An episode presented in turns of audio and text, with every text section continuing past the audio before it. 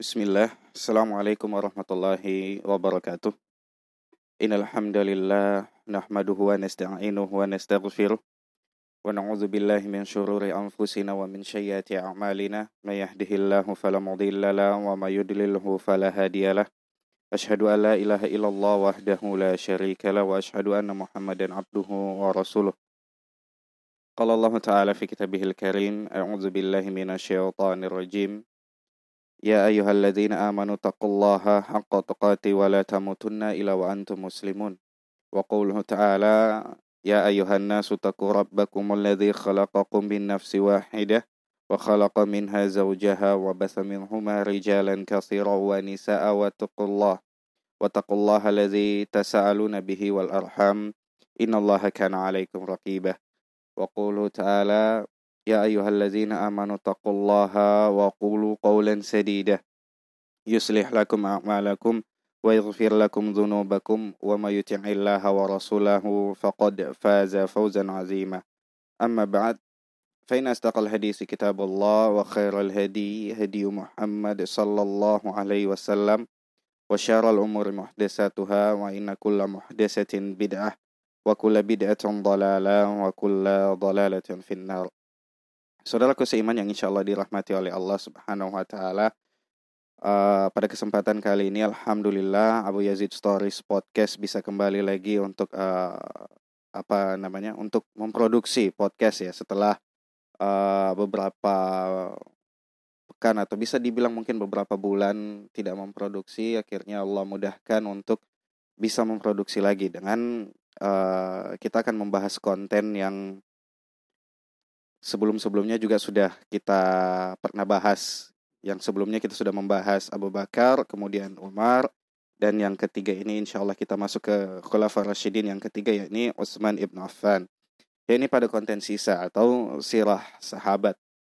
Ya insya Allah jika Allah memberikan taufik nanti ada juga pembahasan yang masih berkaitan dengan sejarah Utsman namun akan uh, di podcast yang lainnya nanti karena dia lebih spesifik kepada fitnah yang terjadi di akhir-akhir masa jabatan Utsman ibn Affan sebagai khilafah dan juga itu termasuk uh, podcast atau konten nantinya yang akan membahas soal uh, awalnya muncul gerakan-gerakan khawarij, awalnya munculnya gerakan-gerakan bid'ah sabaiyah seperti itu. Baik, saudaraku seiman yang insya Allah dirahmati oleh Allah Subhanahu wa taala, semoga kita senantiasa berada dalam lindungan Allah Subhanahu wa taala. Semoga kesehatan kita selalu terjaga, imunitas kita juga selalu terjaga agar kita bisa terhindar dari uh, segala macam penyakit termasuk virus corona. Uh, ada doa yang dari awal-awal masa pandemi mungkin kita sudah menghafalnya, tetapi kebelakangan ini sudah mulai banyak dari kita juga yang meninggalkan doa tersebut. Padahal doa ini juga sudah diajarkan oleh Nabi Shallallahu Alaihi Wasallam untuk memohon dihindarkannya kita dari berbagai macam penyakit yakni doanya Allahumma inni a'udzubika minal baras wal junun wal juzam wa min syai'il asqam. Diamalkan itu semoga doa tersebut bisa menjadi asbab atau bisa menjadi sebab kita terhindar dari uh, penyakit-penyakit uh, yang berbahaya. Kemudian jangan lupa juga untuk senantiasa membaca zikir di waktu pagi dan di waktu petang. Taib saudaraku seiman yang insya Allah dirahmati oleh Allah Subhanahu wa Ta'ala, kita langsung masuk saja kepada uh, pembahasan kita pada malam hari ini, ya, yaitu adalah uh, sirah dari seorang manusia yang mulia yang akan menemani kita kisahnya pada malam hari ini. Pada kesempatan kali ini, yakni Utsman ibn Affan. Kali ini seperti biasanya kita akan berkenalan dulu dengan tokoh kita yang luar biasa ini nama nasab keluarga dan ciri fisik dari Utsman ibn Affan. Ya, nama beliau adalah Utsman bin Affan bin Abu As bin Al bin Umayyah bin Abdus Syams bin Abdul Manaf bin Qusay bin Kilab. Nasab beliau bertemu dengan nasab Rasulullah Sallallahu Alaihi Wasallam pada Abdul Manaf. Taib. Pada masa jahiliyah beliau diberi kunyah Abu Amr.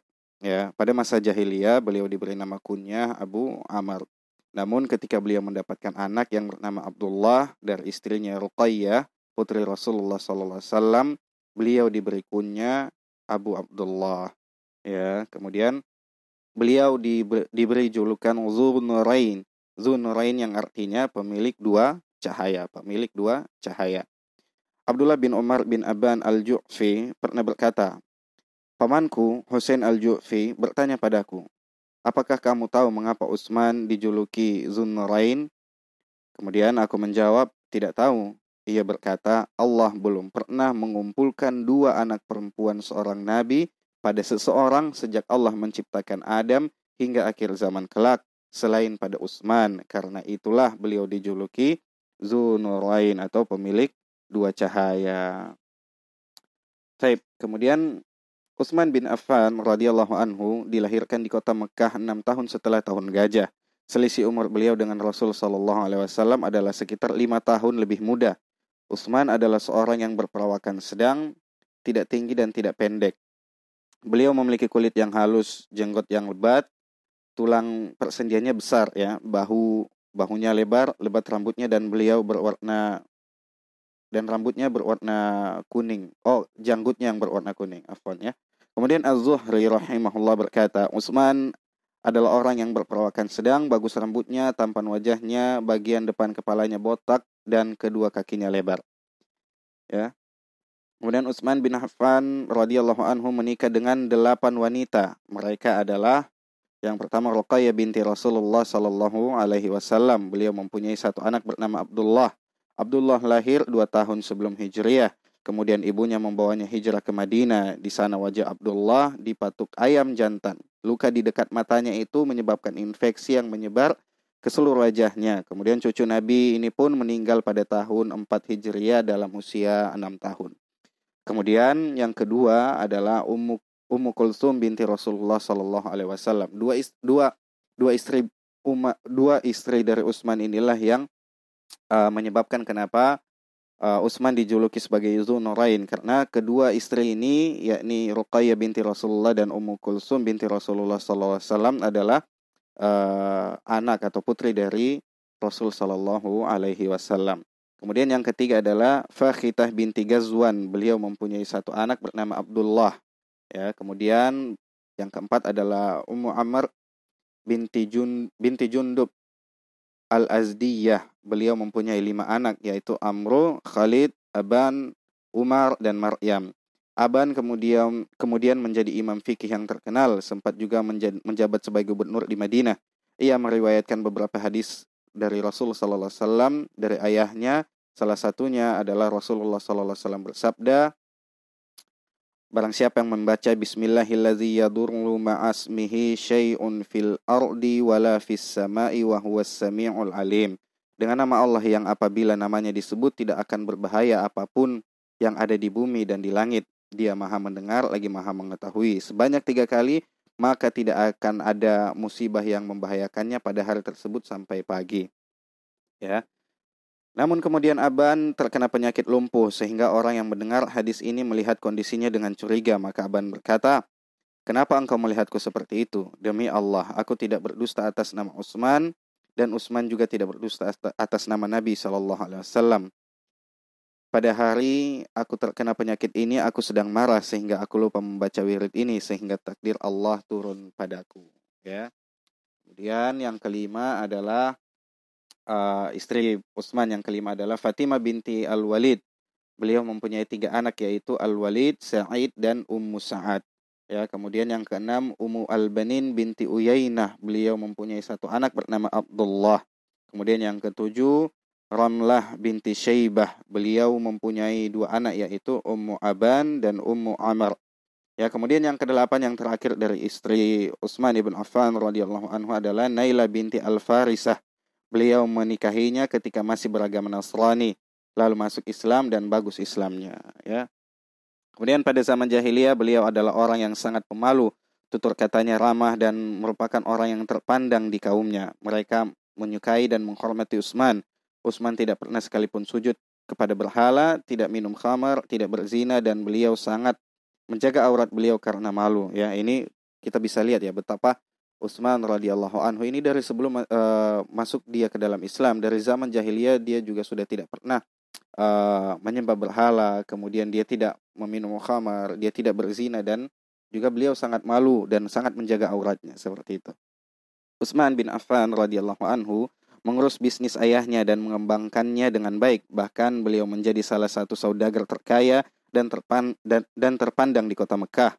Beliau bisa melakukan perjalanan ke negeri Syam dan Hab dan beliau biasanya melakukan perjalanan ke negeri Syam dan Habasyah sehingga beliau mengetahui kabar dan cara hidup mereka yang berbeda dari sini bisa kita lihat bahwasanya Utsman radhiyallahu anhu ini adalah seorang uh, pebisnis yang ulung juga ya, pebisnis yang hebat.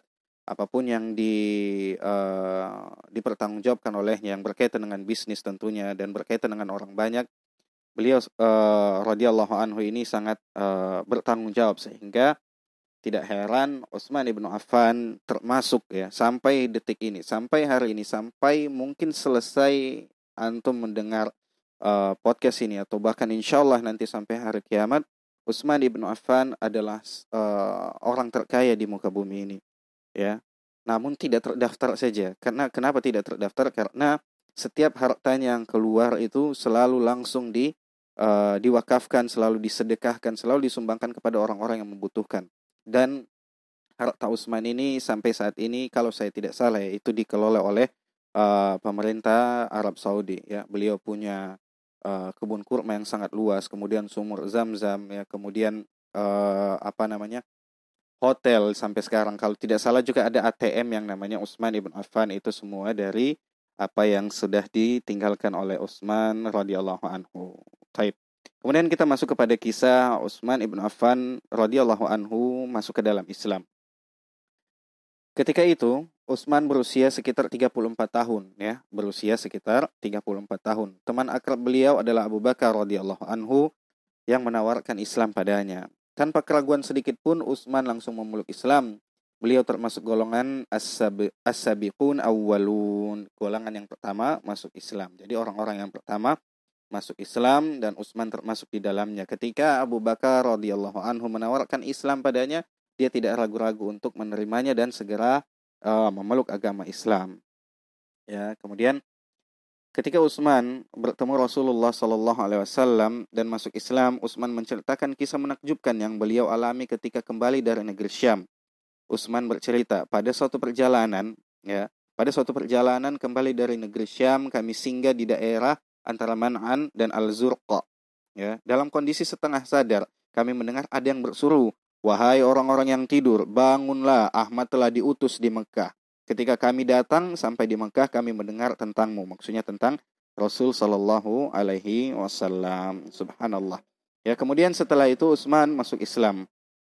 Rasulullah Shallallahu Alaihi Wasallam menikahkannya dengan putri Rasul Shallallahu Alaihi Wasallam Ruqayyah radhiyallahu anhuma ya radhiyallahu anha ya awalnya Ruqayyah radhiyallahu anha adalah istri dari Utbah bin Abu Lahab dan Ummu Kulsum radhiyallahu anha putri Nabi yang lainnya adalah istri dari Utaibah bin Abu Lahab. Ya. Ketika turun surah Al-Lahab yang isinya mencela keluarga Abu Lahab, maka kedua anak Abu Lahab menceraikan kedua putri Rasulullah SAW. Mendengar kabar is, mendengar kabar ini, Utsman langsung melamar Ruqayyah radhiyallahu anha dan Nabi Shallallahu alaihi wasallam menikahkannya dengan putri beliau yakni Ruqayyah radhiyallahu anha. Pada suatu hari Nabi Shallallahu Alaihi Wasallam masuk menemui Utsman. Pada itu Ruqayyah radhiyallahu anha sedang mencuci rambut Utsman. Rasul Shallallahu Alaihi Wasallam bersabda, wahai putriku, berbuat baiklah kepada Abu Abdullah atau Utsman ya, karena ia adalah sahabatku yang paling menyerupaiku akhlaknya. Nah ini juga termasuk salah satu keutamaan dari uh, Utsman ibnu Affan radhiyallahu anhu. Dan setelah ini akan kita bacakan keutamaan-keutamaan yang lainnya. Ya, seperti umumnya kaum muslimin di Mekah, Utsman mengalami penyiksaan dan penghinaan dari kaum kafir Quraisy. Ya, pada suatu hari pamannya sendiri Al-Hakam bin Abu Al-As menangkapnya dan mengikatnya secara seraya, meng, seraya mengecam, "Apakah engkau membenci agama nenek moyangmu dan menggantikannya dengan agama baru? Demi Allah, aku tidak akan melepaskanmu sampai engkau meninggalkan agama baru ini. Maka Utsman menjawab, Demi Allah, aku tidak akan meninggalkan agama ini selamanya. Ketika pamannya melihat keteguhannya, ia pun akhirnya melepaskannya. Ya. Baik, kalau begitu kita langsung masuk saja lagi ke uh, keutamaan dari Utsman radhiyallahu anhu. Baik. Yang pertama Utsman bin Affan radhiyallahu anhu terkenal dengan persahabatannya dengan Al-Qur'an. Salah satu hadis tentang keutamaan Al-Qur'an diriwayatkan dari beliau Rasulullah SAW bersabda, sebaik-baik kalian adalah yang belajar Al-Qur'an dan mengajarkannya. Khairukum man ta'allamal Qur'an wa 'allamahu. Wa 'allamahu. Tayyib. Utsman bin Affan radhiyallahu anhu pernah berkata, Seandainya hati kita bersih, niscaya hati kita tidak akan pernah merasakan kenyang dari firman Allah Azza wa Jal. Yakni maksudnya adalah Al-Quran. Kalau misal hati kita bersih, seperti itu ya. Jadi kalau dari kata Utsman bin Affan radhiyallahu anhu, seandainya kalau hati kita bersih, niscaya hati kita ini tidak akan pernah merasa kenyang, selalu ingin uh, membutuhkan apa? Membutuhkan yang namanya Al-Qur'an. Taib.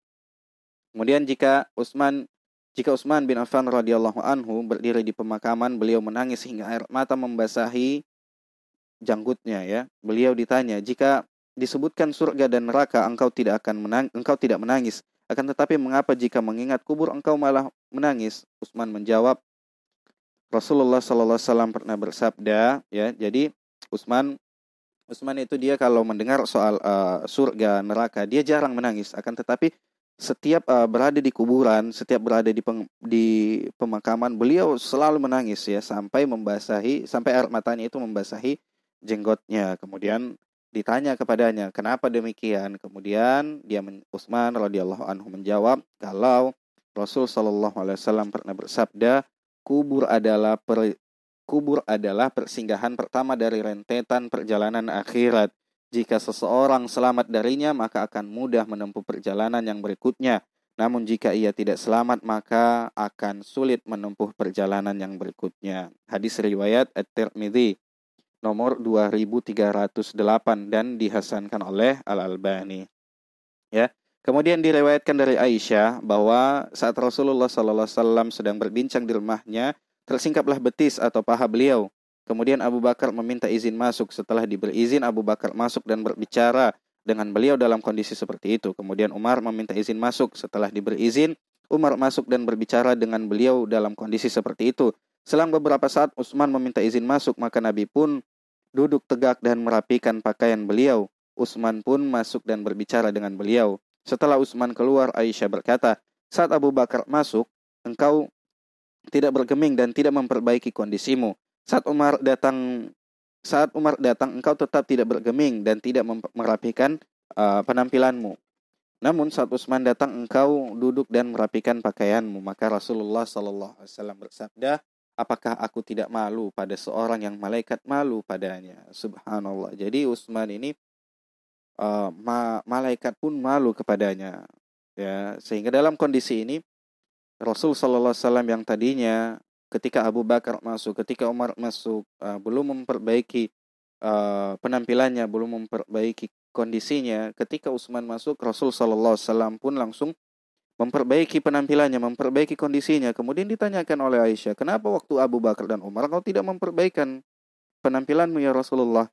Maka kata Rasul Shallallahu Alaihi apakah aku tidak malu ya pada seseorang yang malaikat pun malu padanya. Hadis ini diriwayatkan oleh Muslim nomor 2401. Kemudian keutamaan Utsman yang selanjutnya ya, di sini kita bacakan Al-Munawi berkata, malu adalah keistimewaan Utsman. Sifat malu dari lahir sifat malu dari lahir uh, pengagungan pada zat yang disaksikan seseorang dan ia agungkan kedudukannya disertai pengakuan akan semua kekurangan yang ia sadari di dalam dirinya seakan pengagungan terhadap Allah telah mendominasi dirinya. Ia pun melihat dirinya sebagai makhluk yang rendah dan serba kurang. Kesadaran ini adalah salah satu sifat-sifat hamba yang dekat pada Allah. Kedudukan Utsman pun menjadi mulia hingga hamba pilihan Allah pun atau Rasul SAW malu padanya. Ini sebagaimana kaidah yang berbunyi, siapa yang mencintai Allah maka dia juga mencintai wali-walinya dan siapa yang takut kepada Allah maka dia maka maka segala sesuatu menjadi takut padanya ya. Kemudian diriwayatkan dari Abu Musa radhiyallahu anhu bahwa beliau sedang bersama Rasul sallallahu alaihi wasallam dalam suatu kebun di Madinah. Seorang datang meminta izin Rasulullah sallallahu alaihi wasallam bersabda bukakanlah da, bukakanlah dan beri ia kabar gembira bahwa ia akan masuk surga Ketika aku membukanya ternyata ia adalah Abu Bakar radhiyallahu anhu. Aku pun memberinya kabar gembira dan Rasulullah sallallahu alaihi wasallam pun dan ia dari Rasulullah wasallam. Ya, kemudian setelah Abu Bakar tadi masuk, uh, Abu Musa memberikan kabar gembira kepada Abu Bakar radhiyallahu anhu, ya. Tentang kabar dari Rasulullah bahwasannya uh, dia adalah termasuk uh, ahli surga. Kemudian setelah itu datang orang lain yang meminta izin Rasulullah SAW bersabda, Bukakanlah dan beri ia kabar gembira bahwa ia akan masuk surga. Ketika aku membukanya, ya, ketika uh, Abu Musa radhiyallahu anhu membukanya, ternyata ia adalah Umar radhiyallahu anhu. Aku pun memberinya kabar gembira dari Rasulullah SAW dan ia pun memuji Allah Subhanahu wa taala. Setelah itu datang seorang lain meminta izin, ya. Kemudian Rasulullah SAW bersabda, bukakanlah dan beri kabar gembira kepadanya bahwa ia masuk surga dengan sebab musibah yang akan menimpanya. Ketika aku membukanya ternyata ia adalah Utsman. Aku pun memberinya kabar gembira dari Rasulullah sallallahu alaihi wasallam dan ia pun memuji Allah seraya berkata, "Allah lah tempat meminta pertolongan." Ya, hadis ini diriwayatkan oleh Al Bukhari nomor 300 nomor 3695. Taib. Kemudian yang selanjutnya diriwayatkan dari Ibnu Umar radhiyallahu anhu ya dari Ibnu Umar radhiyallahu anhu ya bahwasannya pada suatu ketika Rasulullah sallallahu alaihi sedang membahas tentang fitnah ya sedang membahas tentang fitnah atau tragedi yang akan terjadi ya. Saat itu ada seorang yang lewat di hadapan mereka. Rasulullah sallallahu alaihi bersabda, "Orang menutup wajahnya, orang yang menutup wajahnya ini akan dibunuh secara zalim pada hari itu." Aku pun melihat wajahnya ternyata ia adalah Utsman bin Affan radhiyallahu anhu. Hadis ini diriwayatkan oleh Ahmad nomor 5953 dan dinyatakan sahih oleh Shu'aib al-Arnaud ya. Taib. Kemudian diriwayatkanlah di dalam riwayat lain dari Ka'ab bin Ujrah radhiyallahu anhu disebutkan Rasulullah SAW bersabda, orang ini pada hari itu berada di atas petunjuk atau kebenaran ya. Diriwayatkan oleh Ibnu Majah nomor 111 dan disahihkan oleh Syekh Al-Albani. Kemudian diriwayatkan dari Aisyah radhiyallahu anha Rasulullah sallallahu alaihi wasallam bersabda, "Wahai Utsman, boleh jadi nanti Allah Azza wa Jalla akan mengenakanmu sebuah pakaian. Seandainya orang-orang munafik ini sadar engkau menanggalkan pakaianmu itu, maka janganlah engkau menanggalkannya sampai engkau bertemu denganku. Beliau wasallam mengulangnya sebanyak tiga kali. Ya. Kemudian dari Abdullah bin Haw bin Hawala radhiyallahu anhu Rasulullah wasallam bersabda, Siapa yang selamat dari tiga hal, maka ia benar-benar telah selamat. Beliau mengulanginya sebanyak tiga kali. Kemudian Rasul Wasallam melanjutkan, kematianku, fitnah dajjal, dan terbunuhnya seorang khilafah yang bersabar di atas kebenaran yang ia tunaikan ya. Kemudian yang selanjutnya diriwayatkan dari Aisyah radhiyallahu anha bahwa pada saat Rasulullah shallallahu alaihi wasallam sakit menjelang kematiannya, beliau pernah bersabda, "Andai saja aku bersama para sahabatku, maka aku berkata." Uh, Rasul sallallahu wasallam tadi mengatakan ya, Rasul sallallahu alaihi wasallam uh, dalam sakitnya menjelang mati mengatakan, "Andai saja aku bersama para sahabatku." Kemudian di uh, dibalas oleh Aisyah radhiyallahu anha dengan mengatakan, "Maukah kami panggilkan Abu Bakar radhiyallahu anha radhiyallahu anhu untukmu?" Maka beliau sallallahu alaihi wasallam terdiam. Kami berkata kami, kami berkata lagi, "Maukah kami panggilkan Umar radhiyallahu anhu untukmu?" Beliau sallallahu alaihi wasallam masih terdiam. Kami berkata lagi, "Maukah kami panggilkan Utsman radhiyallahu anhu untukmu?" Beliau bersabda, "Na'am," atau beliau atau beliau mengatakan, "Ya." Ketika Utsman datang, beliau berbicara empat mata dengan Utsman, sehingga wajah Utsman pun berubah. Setelah itu, setelah itu pada saat uh, rumah Utsman telah dikepung oleh para pemberontak, ya beliau berkata, Rasulullah Shallallahu Alaihi Wasallam telah memberiku suatu janji dan aku akan bersabar di atas janji tersebut. Ya diriwayatkan oleh Ibnu Majah nomor 113 dan disahihkan oleh Al Albani. Ya, Qais sebagai perawi hadis berkata, Nampaknya para sahabat melihat wasiat Nabi Shallallahu Alaihi Wasallam kepadanya terkait hari pengepungan tersebut.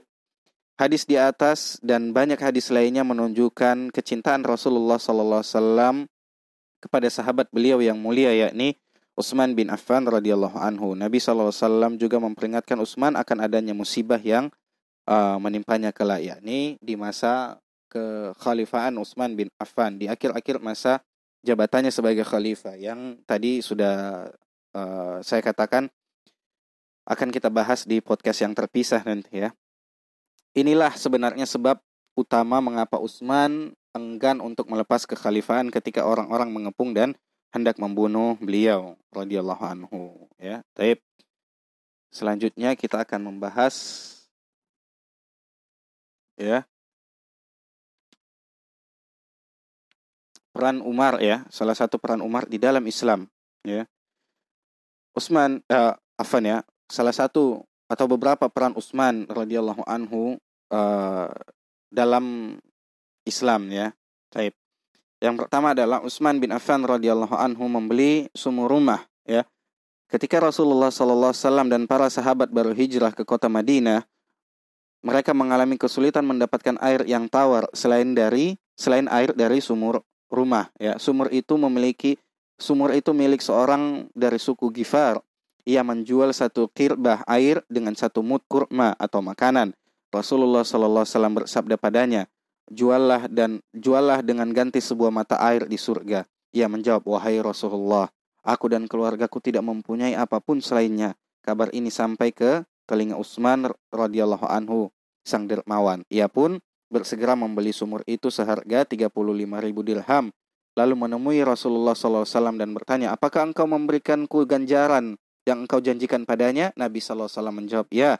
Utsman radhiyallahu anhu berkata, aku memberikannya untuk kaum muslimin. Subhanallah. Inilah uh, sumur yang uh, dibeli ya oleh Utsman uh, bin Affan radhiyallahu anhu untuk kaum muslimin. Ya, ini tertulis pada Tufatu al Ahwazi ya. Seperti itu. Taib.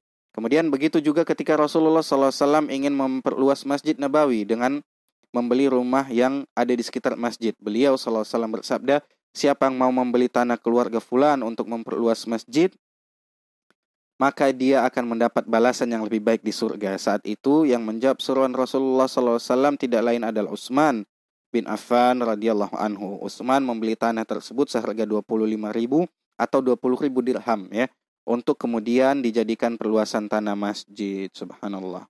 Ya. Kemudian uh, kita bacakan lagi uh, Utsman bin Affan radhiyallahu anhu pada masa kekhalifahan Abu Bakar radhiyallahu anhu ya. Pada zaman Abu Bakar radhiyallahu anhu, Utsman bin Affan memainkan peranan penting dalam urusan-urusan pemerintahan. Beliau adalah salah satu penasihat Abu Bakar radhiyallahu anhu. Zunnurain atau Utsman adalah penasehat kedua setelah Umar bin Khattab radhiyallahu anhu dalam kabinet Khalifah Abu Bakar. Seakan beliau adalah penyeimbang karakter Umar yang keras. Ya. Suatu ketika Madinah ditimpa kemarau yang panjang sehingga kaum muslimin mengalami kesulitan pangan. Abu Bakar radhiyallahu anhu menganjurkan agar kaum muslimin bersabar. Tidak lama Khalifah Utsman radhiyallahu anhu datang dari negeri Syam membawa panganan yang berlimpah. Khalifah tersebut terdiri dari 100 uh, eh, kafilah, afwan ya. Tidak lama kafilah Utsman, kafilah ini uh, mungkin kafilah dagang ya. Kafilah atau kelompok ya seperti itu. Kafilah atau kelompok uh, kelompok Utsman radhiyallahu anhu datang dari negeri Syam membawa pangan yang berlimpah. Kafilah tersebut terdiri dari 100 ekor tunggangan yang masing-masing membawa pangan. Melihat kesempatan ini para pedagang Madinah berkumpul mengetuk pintu rumah Utsman Utsman pun keluar menemui mereka seraya berkata apa yang kalian inginkan? Mereka menjawab, saat ini musim kemarau, langit tidak menurunkan hujan, bumi pun tidak bumi pun tidak menumbuhkan tanaman, dan orang-orang sedang sangat kesusahan. Kami dengar engkau punya makanan, juallah kepada kami, kami juallah kepada kami agar kami dapat melapang dapat melapangkan para fakir miskin. Maka Utsman pun menyambut mereka dengan baik dan menyuruh mereka masuk rumah lalu Utsman mulai memulai penawaran berapa kalian akan memberiku keuntungan dari harga yang aku beli dari Syam? Mereka berkata, untuk sepuluh kami untuk sepuluh kami beli dua belas. Utsman radhiyallahu anhu berkata, sudah ada yang menawari lebih. Mereka berkata, untuk 10 kami beri kami beli 15. Utsman berkata, sudah ada yang menawari lebih. Mereka berkata, wahai Abu Amr, tidak ada pedagang lain di Madinah selain kami. Siapa yang menawar lebih dari kami? Utsman radhiyallahu anhu berkata, Allah tabarak Allah tabaraka wa taala telah menawarkan lebih tiap satu dirham dikali sepuluh kali lipat. Apakah ada di antara kalian yang menawarkan dari itu? Mereka berkata, Ya Allah, tidak. Maka Utsman radhiyallahu anhu berkata, Aku menjadikan Allah sebagai saksi, aku berikan seluruh makanan ini untuk fakir miskin kaum muslimin. Subhanallah, betapa mulia uh, hati dari Utsman radhiyallahu anhu ini ya. Kemudian Ibnu Abbas radhiyallahu anhu berkata, pada malam itu aku bermimpi melihat Rasulullah sallallahu alaihi wasallam sedang mengendarai kuda belang. Beliau memakai pakaian dari cahaya dan dua terompah dari cahaya di kaki beliau. Beliau juga memegang tongkat dari cahaya. Beliau terlihat sedang bergegas. Aku pun berkata, Wahai Rasulullah, aku sangat rindu padamu dan rindu mendengar sabdamu. Hendak ke mana engkau bergegas? Beliau SAW bersabda, Wahai Ibnu Abbas, Utsman telah bersedekah dengan satu sedekah yang baik dan Allah telah menerima sedekahnya. Allah telah menikahkannya dengan pengantin di surga dan kami diundang ke walimahnya. Subhanallah. Saking betapa mulianya Utsman ya. Allah sudah uh, dia masih di bumi. Tapi Allah sudah menikahkannya dengan uh, pengantin di surga. Subhanallah.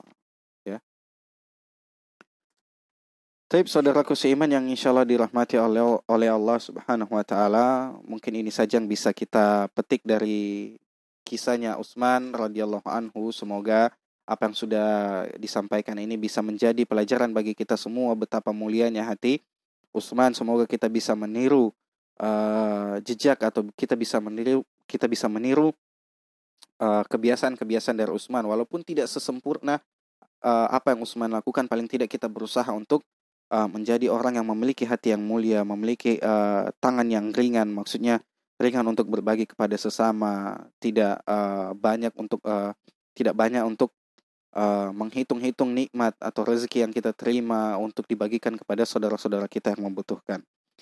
Taib untuk selanjutnya nanti akan kita bahas soal uh, lebih kepada lebih fokus kepada khilafah dari Utsman bin Affan radhiyallahu anhu dan fitnah-fitnah yang terjadi. Kemudian kita akan bersinggungan juga dengan uh, bid'ah-bid'ah sabaiyah dan awal-awal munculnya gerakan-gerakan khawarij yang sayangnya banyak diwarisi oleh kaum muslimin pada saat ini.